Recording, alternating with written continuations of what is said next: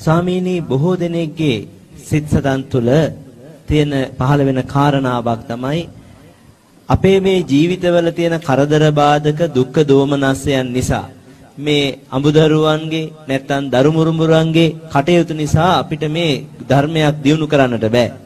ඒ නිසා මේවායින් මිදෙන්න විදිහක් නැහැ.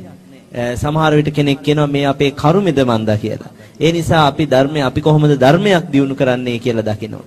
ඉතින් ඒ නිසා මේවායින් කවදා හරි නිදහස් වෙලා අපි ධර්මයේ දියුණු කරනවා කියන කාරණේ ඉන්නවා. ස්වාමිනී මෙවන් කාරණා සඳහන් වෙන මේ සමාජයට මේ ආර්ය අෂ්ටාංග මාර්ගයේ වැඩිම මේ සෝවාන් ඵලය දක්වාවත් යන ගමන පිළිබඳව කොයි ආකාරයෙන්ද ස්වාමීනි පැහැදිලි කර දෙන්නට සුදුසු වන්නේ. මෙහෙමයි පින්වතුනි කොතනකවත් ඔබට ලැබුණා වූ දේ කර්මයක් කියලා නම් දකින්න එපා. ඒක හොඳට තේරුම් ගන්න ඕනේ. ඔබට ලැබුණා වූ දේ කර්මයක් කියලා ඔබ දකිනවා නම් ඒ දකින මොහොතක් පාසා ඔබ ධර්ම රත්නයට හිංසා කරපු කෙනෙක් බවට පත් වෙනවා. ඒක තේරුම් ගන්න ඕනේ. ඔබට බිරිඳක් ලැබිලා තියෙනවා නම් ඒ බිරිඳ ඔබට ලැබුණේ ඔබේ සංස්කාරයන්ට අදාළව හේතුඵල ධර්මයක් හැටියටමයි. ඔබට ස්වාමිපුරුෂයෙක් ලැබිලා තියෙනවා නම් ඒ ස්වාමිපුරුෂයා ලැබුණේ ඔබේ සංස්කාරයන්ට අදාළව හේතුඵල ධර්මයක් හැටියටමයි. ඔබට දරුවෙක් ලැබිලා තියෙනවා නම් ඒ දරුවා පුතාදුව ඔබට ලැබුණේ ඔබේ සංස්කාරයන්ට අදාළව හේතුඵල ධර්මයක් හැටියටමයි. ඔබට රැකියාවක් වෘතියක් ලැබිලා තියෙනවා නම් සමාජ තත්ත්වයක් ලැබිලා තියෙනවා නම් ඒ සෑම දෙයක්ම ඔබට ලැබුණේ හේතුඵල ධර්මයක් නිසාමයි. ඒ නිසා පින්වතුනි ලැබුණ දෙයට කොයි වෙලාවකවත් ගැටෙන්න එපා. ලැබුණ දෙයට ගැටෙන මොහොතක් පාසා ඔබ අතීතයේ කළා වූ අකුසල් උදෙසා තව තව අකුසල් කරගන්නා වූ අවාසනාවන්තයෙක් බවට පත්වෙනවා. එක හොඳට තේරුම් ගන්න ඕනේ. සංසාරයේ මේ ආවා වූ ගමනෙදී අපේ පිටිපස්සෙ පිංහතුනී අප්‍රමාණ කුසල් වගේම අකුසලුත් තියෙනවා. අප්‍රමාණ කුසල් වගේ අකුසල් අපේ පිටිපස්සේ පටිච්ච සමුපන්නව සැඟවිලා තියෙනවා. මොකද මේ උපාදාන පච්චයා බවෝ කියන ධර්මතාවය තුළ ගමන් කරන මේ බව ගමනෙදි පිංහතුනී නිරේතුරුවම අපේ පිටිපස්සේ සැඟවුණා වූ අකුසල් කුසල් ගොඩක් තියෙනවා. දැන් ඔබ හිතන්න ඔබ කාශ්‍යප බුදුරජාණන් වහන්සේගේ කාලේ ජීවත් වෙච්ච කෙනෙක් කියලා. ඔබ අවුරුදු විසිදාහක් එදා ජීවත් වුණා. ඒ අවුරුදු විසිදාහෙමෝද පින්කං කලා දන්දුන්නා. පින්කං කරලා දන්දීල සිල් ආරක්ෂා කලාත් ඔබ සෝවාන් පලයට පත්වනේ නෑ. ඔබ මැරෙන වෙලාවේ අවුරුදු විසිදාහක් පින්කං කරලා මැරෙන වෙලාවේ. උපාදාන පච්චයා බවෝ කියන ධර්මතාවය තුළ ඔබට දවේශ සිතක් තමයි සකස් වුනේ පිංහතුනි. ඒ දේශ සිත නිසා ඔබ සතරාපායට වැටුණා සතරාපායට වැටුණහම් මොකද වුණේ අවුරුදු විසිදාහක් කලා වූ පිනට විපාක දෙන්න පුළුවන්කමත් තිබෙන පිඟතුන. අවුරුදු විසිදාහක් කලා වූ පිනට විපාක දෙන්න විදියක් නෑ මොකද උපාදාන පච්චයා බවෝ කියන ධර්මතාවය තුළ ඔබ සතරාපායට වැටන පිංහතුනි. ඒවගේම තව කෙනෙක් ඉන්නවා. එයත් අවුරුදු විසිදාහක් පින්කමක් කරන්නේ සිල්පද බිඳිමින් ජීවත් වෙනවා. නමුත් මැරෙන වෙලාවේ උපාදාන පච්චයා බවෝ කියන ධර්මතාවය තුළ මොකක් හෝ පින් සිතුවිල්ලක් මතු වෙලා ඇවිල්ලා එයා සුගතිය උපත්තිය ලබනවා. ඒ සුගතිය උපත්තිය දියාට කල්්‍යයාන මිත්‍ර ආශ්‍රයක් ලැබිලා එයා ශක්තිමත්ව ධර්මමාර්ග ඉස්තරාට යනවා අන්න කලා වූ අකුසලයට විපාක දෙන්න විදියක් නෑ පිංහතුනි. ඒවගේ අප්‍රමාණ කුසල්සා අකුසල් අපේ පිටිපස්සේ විපාකට තියෙනවා. ඒ නිසා නිරේතුරුව පිංවතුල්ලා දක්ෂවෙන්න මේ ජීවිතය ඔබ දරුවන් සමඟ දෙමාපියන් සමඟ බිරිඳ ස්වාමිපුරුෂයා අසල්වස්්‍යයා සමඟ ගැටෙනවා කියන මොහොතක් පාසා අපි අකුසලයක් තුළයි ජීවත්වෙන්න පිංහතුනි. ලෝබ දේශ මෝහයන් තුළමයි ජීවත්වෙන්නේ අපි අපිට ලැබුණා වූදේ ධර්මතාවයක් කියල අපි දකින්නේ නෑ. අතීතයේ සංස්කාරයන්ගේ පලයක් හැටියට ලැබුණ ඔබේ ස්වාමිපුරුෂයාත්ය ඔබ ගැටෙනවා කියන්නේ ධර්මයත් එක ගැටෙනවායි කියන කාරණයයි. අතීතයේ සංස්කාර හේතුවෙන් ඔබට ලැබුණ බිරිඳත් එක් ඔබ ගැටෙනවා කියන්නේ ඔබ ධර්මයත් එක්ක ගැටෙනවායි කියන කාරණයයි. එනිසා නිරේතුරුව දක්ෂ වෙන්න මෙවැනි ගැටීම් තුළ අර අතීතයේ විපාක නොදුන්නා වූ අකුසල් අපේ ජීවිතයට ඇදිලයිනවා. ඒ අතීතයේ විපාක නොදුන්නා වූ අකුසල් ඇදිලා එන්න ඇදිලා එන්න තවතව ප්‍රශ්න බාධක පීඩක ගැටීම් වැඩිවෙලා අවසානයේ දික්කසාදොලින් තමයි අවසාන ජීවිතය අවසං කරන්න. නැත්තන් දිවිනසා ගැනීම මුලින්. ඇයි මෙහෙම වුණේ අපි නිරේතුරුවම ධර්මය ධර්මය හැටියට දැක්කෙන. අපිට ලැබුණ සාම්පුරුෂයා බිරිඳ දරුවා සමාජතත්වය වෘතිය අතීතයේ සංස්කාරයන්ගේ ඵලයක් අපි කරපු දෙයයි අපිට ලැබුණේ කියලා අපි දැක්කේ නැහැ. ඒ නිසා පින්වතුනි නිරේතුරුව දක්ෂ වෙන්න අපේ ජීවිත පිටිපස්සේ අප්‍රමාණ අකුසල් තියෙනවා පින්වතුනි. මේ කාරණය දැනගෙන අපි දක්ෂ වෙන්න ඕනේ අපිට හමු වෙන කාට වුණත් ඔළුව පහත් කරලා ඒ තුලින් අපේ කුසල් ශක්තිය මතු කරගන්න. දැන් භික්ෂුවක් හැටියට මම මෙතෙන්ට ආවේ මගේ ගිහි ජීවිතය තුලත් අප්‍රමාණ සිල්පද බිඳීම් අකුසල් තියෙනවා. මගේ ගිහි ජීවිතය තුළ සිල්පද බිඳීම් තියෙන්නේ ඇයි මං පෙර ජීවිතයේ සිල්පද බිඳල පුරුද්ධ නිසාමයි. නමුත් ඒසා අකුසල් අපේ පිටිපස්සේ තියෙද්දි පිංහතුනේ අපි කුසලය මතු කරගත්තා. කුසලය මතු කරගත්තේ කොහොමද පාරෙ ඉන්න යාචක මහත්තෙත් දැක්කත්තේ යාචක මාත්‍යයාට හිස නමල අපි ගරු කලා. කාට වනත් බිරිඳට වේවා ස්වාම්පුරුෂයාට වේවා දරුවාට වේවා තරහකාරයකුට වේවා හිස නමල සුවපත්වේවා කියලපුතින් එයා තුළින් කුසලේ ශක්තිමත් කරගන්න ඔබ දක්ෂ වෙන්න ඕනි. ඔබ සුවපත්වේවා කිවේ ඔහුට නෙමේ ඔබ කෙනෙකුට සුවපත් වේවා කියද්දී සුවපත් වෙන්නේ ඔබයි පිංහතුනි. අනුන්ට සුවපත්වේවා කියලා මම සුවපත්වෙච්ච මනුස් එත්තමයි මෙතනි දං ඔබට මේ කතා කරන්නේ. මං යම් ශක්තියක් ගොඩනගා ගත්තනගේ ගොඩනගා ගත්තේ අනුන් තුළින්මයි. අනුන් තුළින්මයි මං ගොඩනගාගත්ත පිංහතුනි. එනිසා මගේ ජීවිතේ මට ලැබුණු අකමැති දේවල්මයි මාව මෙතෙන්ට ගෙනල්ල තියෙන්නේ. මගේ ජීවිතේ මම කැමති දේවල් ලැබුණනං උතේ අද මම මෙතන නැහැ. මගේ ජීවිතයට ලැබුණා වූ අකමැති දේවල් නිසාමයි ඒ අකමැති දේවල් කෙරෙයි මෙත්සිත මධ්‍යස්ථ භාවය උපේක්ෂාව පැතුරුවේ නිසාමයි මං අතීත කුසල් ශක්තිය අයෝමිය ලෙස මතුකර ගනිමින් මතුකර ගමින් අවසානයේ කුසලයත් අකුසලයක් දෙකම විදර්ශනානුවනින් දැකලා අවශ්‍ය කාරණාවට ඉස්සරාටාවේ. එනිසා පින්වතුන් දක්ෂ වෙන්න ඔබ අකමැති දෙයක් ඔබට මුණගැහෙනවනං ගැටෙන්න යන්න එපා ඒ අකමැති දේ ඔබට මුණගැහුණේ ඒ පුද්ගලයාගේ වරදින්නන් නෙමේ ඔබේ අතීත අකුසල් සංස්කාරයක් නිසාමයි. ඔබට සැප වේදනාවක් ලැබෙනවා කියන්න ඔබ අතීතය කලා වූ කුසල් විපාකයක පලයක්. ඔබ දුක්වේදනාවක් ලබනවා කියන්නේ ඔබේ අකුසල් විපාකයක පලයක්. එනිසා කොතනකොත් පිංහතුනී මේ සැපයක් දුකටත් ඇලෙන්න ගැටෙන්න යන්න එපා. ඔබ සැපයට දුකට ඇලෙන ගැටෙන මොහොතක් පාසා ඔබ නැවත අනාගත භවයක් සකස් කරගන්න. දැන් හිතන්න පිංවතුල්ලා උදේඉදන් රාත්‍රී වෙනකම් මොකක්ද කරන්නේ එක්කො සැපවේදනාවක් ලබනවා එක්කො දුක්වේදනාවක් ලබනවා. සැපවේදනාවක් ලබද්දී ඔබ මොකද කරන්නේ කුමක් නිසාද ඔබට සැපවේදනාවක් ලැබුණේ අතීතයේ කලා වූ කුසලයක විපාකයක් නිසා. එතොට අතීතය කලා වූ කුසලයක් විපාකට සැපවේදනාවක් හැටියට එද්දී ඔබ මොකද කරන්නේ. ඒ සැපවේදනාවට ඇලිලා ලෝබ දවේශ මෝහයන් ඇති කරගන්න. දැන් සැපවේදනාව කුමක් නිසාද ඇති වුණේ අතීතය කුසල් විපාකයක් නිසා. අතීතයේ කුසල් විපාකයක් නිසා ලැබුණු සැපවේදනාව විපාකට එනකොට ඒ සැපවේදනාව තුළින් ඔබ නැවත ලෝබ දවේශ මෝහයන් මැති කරගන්න. බලන්න ඔබේ ජීවිතයට සැපවේදනාවක් එද්දී දරුවෙක්ගේ උපන්දිනයක් වේවා විවාහයක් වේවා උසස්වීමක් වේවා මේ සෑම කෙන තැනකදිම ඔබ නැවත කාමත් චන්දයක්මයි ලෝබ දේශ මෝහයක්ම ඇති කරගන්න. ඔබ කොයිම වෙලාවකත් මේ සංස්කාර අනිත්‍යයි මේක මංකලා වූ සංස්කාරයක් මෙතන රැඳ ඇලෙන්න දෙයක් නැහැකිල ඔබ දකින්නේ නෑ. එනම් බලන සැප වේදනාවකදිත් ඔබ ලෝබ දේශ මෝහයන් නැවත සකස් කරමින් භවය සකස් කර ගන්නවා පිංහතුනි. එතව බලන දුක්වේදනාවක් ඇති වෙද්දිමකක්ද ඔබ කරන්නේ. දුක්වේදනාවට ගැටිලා ආයිමත් දරුවන් නිසා බිරිඳ නිසා ස්වාමි පුරුෂයා නිසා ආයිමත් ලෝබ දේශ මෝහයන් ඇති කරගන්න. සැපවේදනාව ඉදිරියේ දුක්වේදනාව ඉදිරියේත් උදේ ඉඳන් රෑවෙනකං අපි මොකක්ද කරන්නේ භවයට යන්න වූ නැවත අකුසල් සංස්කාරයක් මයි රැස් කරගන්න පිංහතුරි. ඒ නිසා නිරේතුරුව දක්ෂ වෙන්න. ඔබේ දරුවා බිරිඳ සාමිපුරුෂයා එහෙම නැත්තං යාළුවෝ හිතමිත්‍රයෝ ඉන්නවා කියන කාරණය මේ ධර්මමාර්ගයේ ගමන් කිරීමට කිසිම දසමකින්වත් බාධාවක් නෑ පිංහතුනි. විසාකාවට දරුවන් දහ දෙනෙක් හිටිය මුණුබුරු මිනිබිරියන් සියගානක් හිටියා නමුත් මේ විසාකාව අවුරුදු හතේ වයසදි ළමා වයසදී සෝවාන් පලට පත්වෙන්. එතොට අනේ පිටි සිරිතුමා කෝටිපති ව්‍යාපාරිකයෙක් දරුවන් හතර දෙනෙක් හිටියා. ඒ මහත්මයා කෝටිපති ව්‍යාපාරිකයෙක් කැටියට උතුම් සෝවාන් පලට පත්වෙනවා. උග්‍ර ගෘහපතිවරයා බිරින්දෑවරු පස් දෙනෙක් ගෙදර ඉද්දී උතුම් අනාගාමී පලයට පත්වෙනවා. වේලුකන්ටගේ නන්ද මාතාව තමන්ගේ සාමි පුරුෂයා අහිමි වෙලා තනියම ගෙදර හිටියේ අනාගාමී උපාසිකාවක් බවට පත්වෙනවා.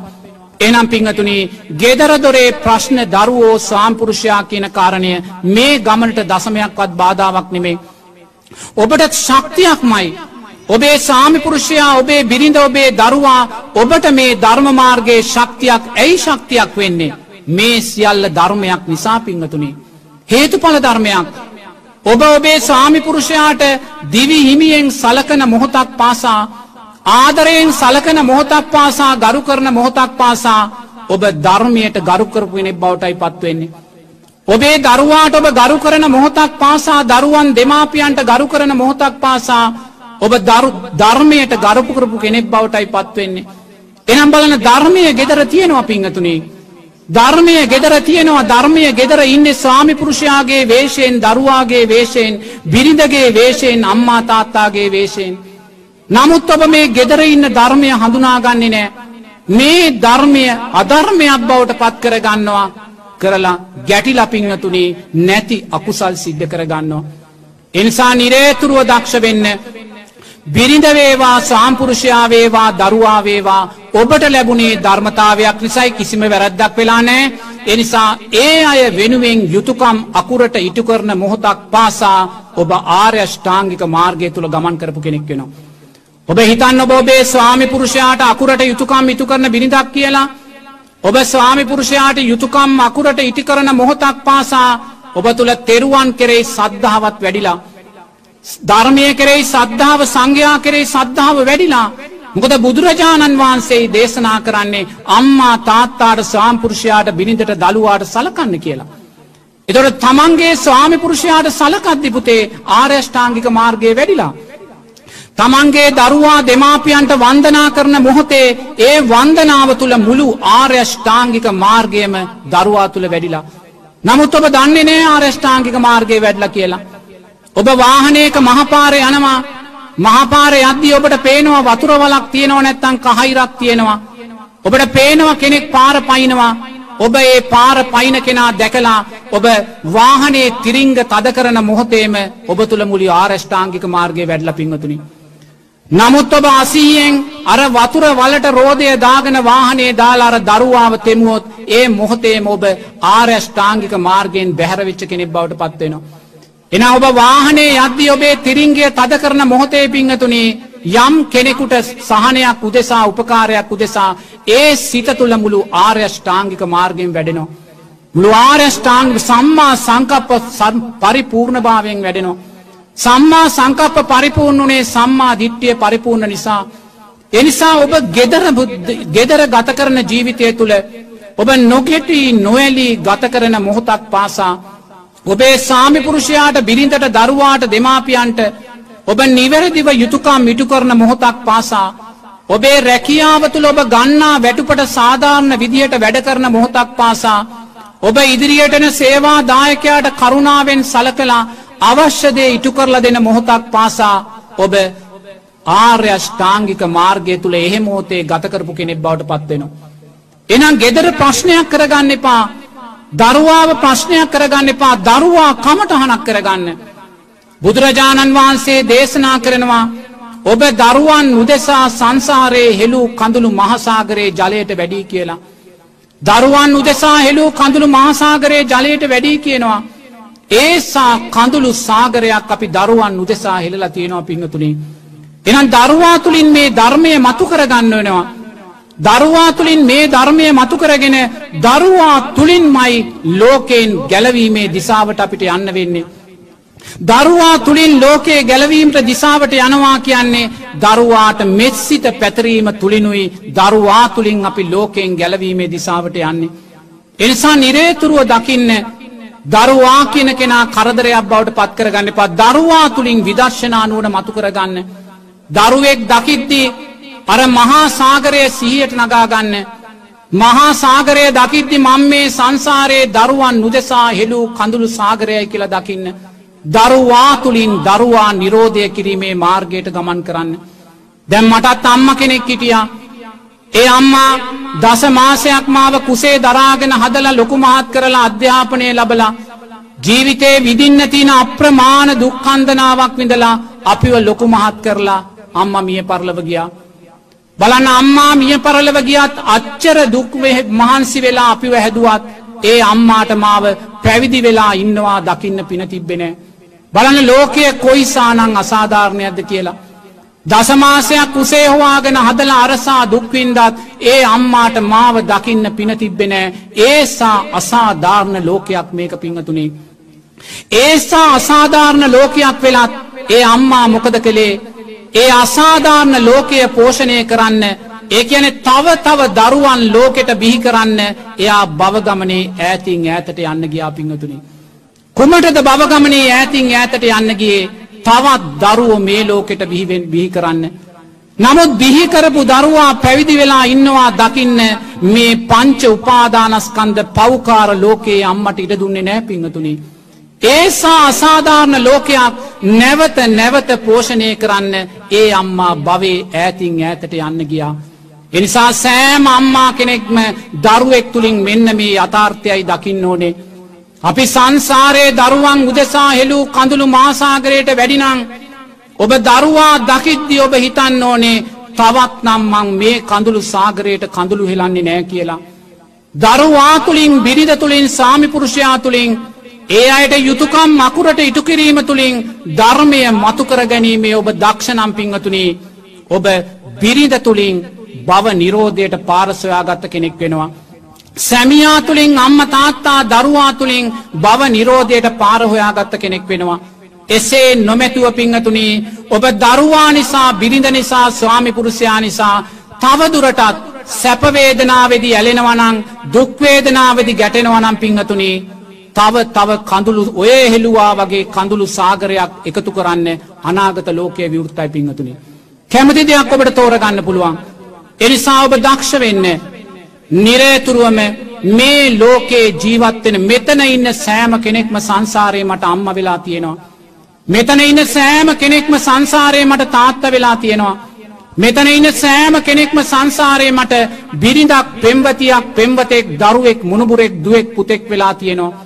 ඒසා දීර්ඝ බව ගමනක් ඒසා ඥාතීත්වයක් අපි තුළ තියෙනවා පිංහතුනි. මේ ඥාතීත්වය තුළ ඉඳමිනුයි බුදුරජාණන් වහන්සේලාගේ මහා කරුණා ගුණය සකස් වෙන්නේ. බුදුරජාණන් වහන්සේගේ මහා කරුණාගුණය සකස් වෙන්නේ.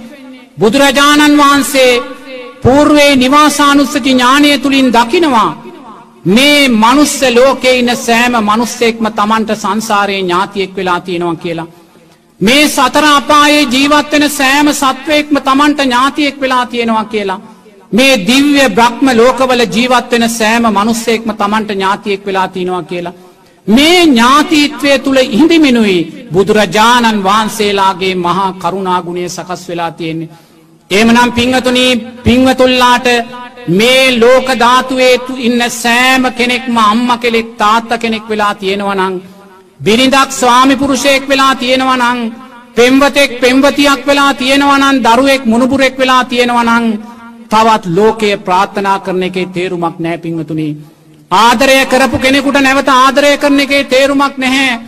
එනිසා නිරේතුරුව ඔබ දරුවා තුළිනොත් බිරිද තුළනොත් ස්වාමිපුරුෂයා තුළිනොත් මෙන්න මේ විදර්ශනා නුවන මතුකරගන්න දක්ෂණන්. ඔබේ ගෙදර දරුවෝ දහ දෙනෙක් ඉඳීම ඔබට වාසියක් වෙනවා පිංහතුනිි. දරුව එක්කෙනෙක් ඉන්න ගෙදරකට වඩා දරුව දහ දෙනෙක් ඉන්න ගෙදර කෙනාට ආර්ය අෂ්ටාංගික මාර්ගය වඩාගන්න පහසුයි පිංහතුනි. එක හොඳර තේරුම් ගන්න. ඔබේ ඉදිරියට දවසටෙන්නේ දහ දෙනෙක් නං තව කෙනෙක්ගේ ඉදිරියට සිය දෙනෙක් එෙනවනං ඒ සිය දෙනා එන ඉදිරියට එන කෙනාට ආර්යෂ්ඨාංකික මාර්ගය වඩාගන්න අවස්ථා වැඩී පිංහතුනි.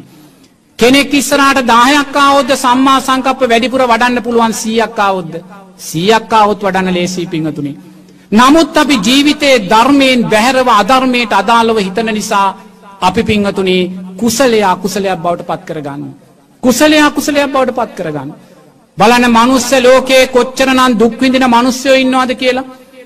සමහර දරුවෝ අසනීප භාවයට පත්වෙලා දරිද්‍රතාවය නිසා දුප්පත් භාවය නිසා නූගත් භාවය නිසා අල්පේශාක්‍ය භාවය නිසා ඒසා දුක්කිත ලෝකයක් තුළ මේසා ලස්සන ජීවිතයක් ලබල පින්වතුනේ ඒ ලස්සන ජීවිතයෙන් සෑහෙන් නැතුව අපි ඒ ලස්සන ජීවිතය අකුසලේට යොමු කරගන්න.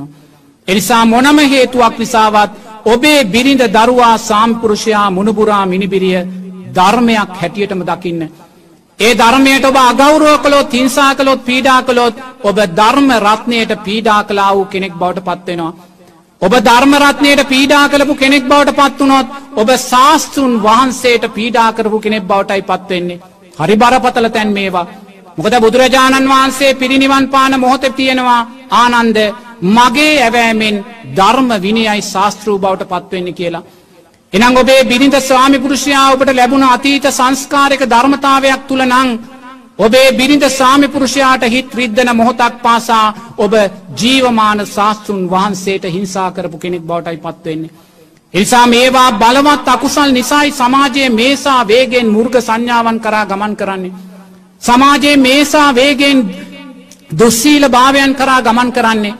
සමාජයේ මේසා වේගෙන් ආයුෂ හීනභාවය කරා ගමන් කරන්නේ.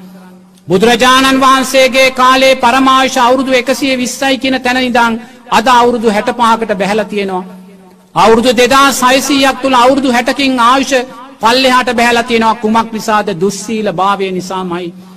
එනිසා අපි ගැටෙන හිතක් සකස් කරගන්න මොහොතක් පාසා ලෝබ දේශ මෝහ හිතක් සකස් කරගන්න මොහොතක් පාසා නිරේතුරුවම අපි ආයුෂ හීන කර ගැනීමේ මාර්ගයට අපි අවතීරණ වෙනවා පිංහතුනි.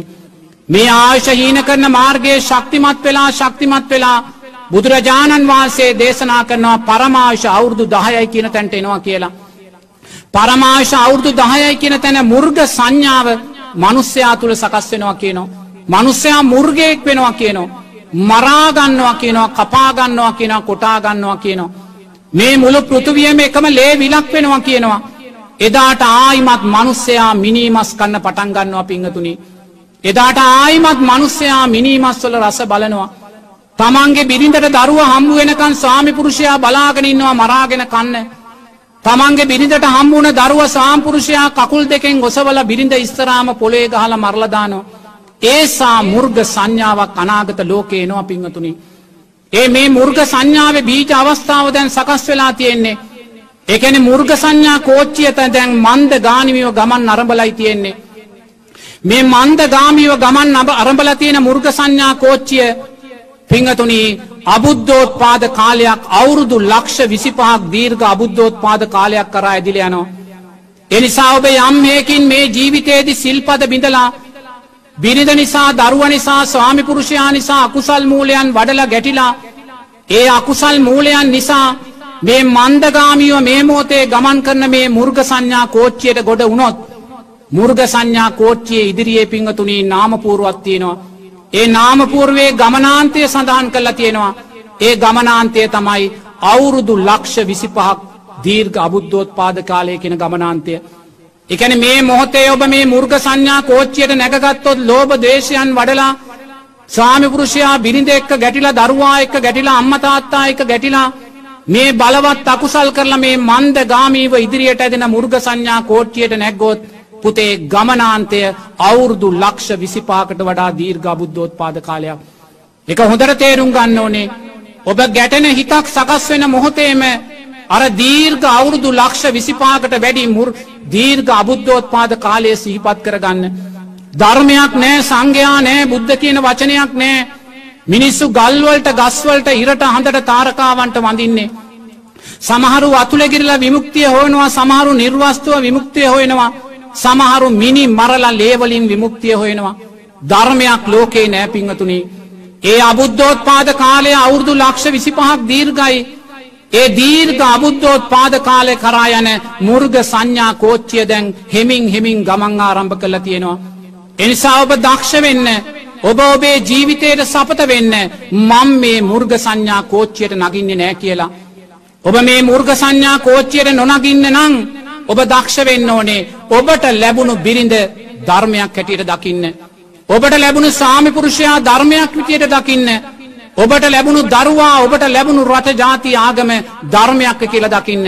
ධර්මයක්ම කියල දැකලා ධර්මයත් එක ගැටෙන් එපා ගැටෙන මොහොතේ ඔබ ධර්මයට හිංසා කලා වූ අකුසලය ජීවිතයට එකතු කරගන්න.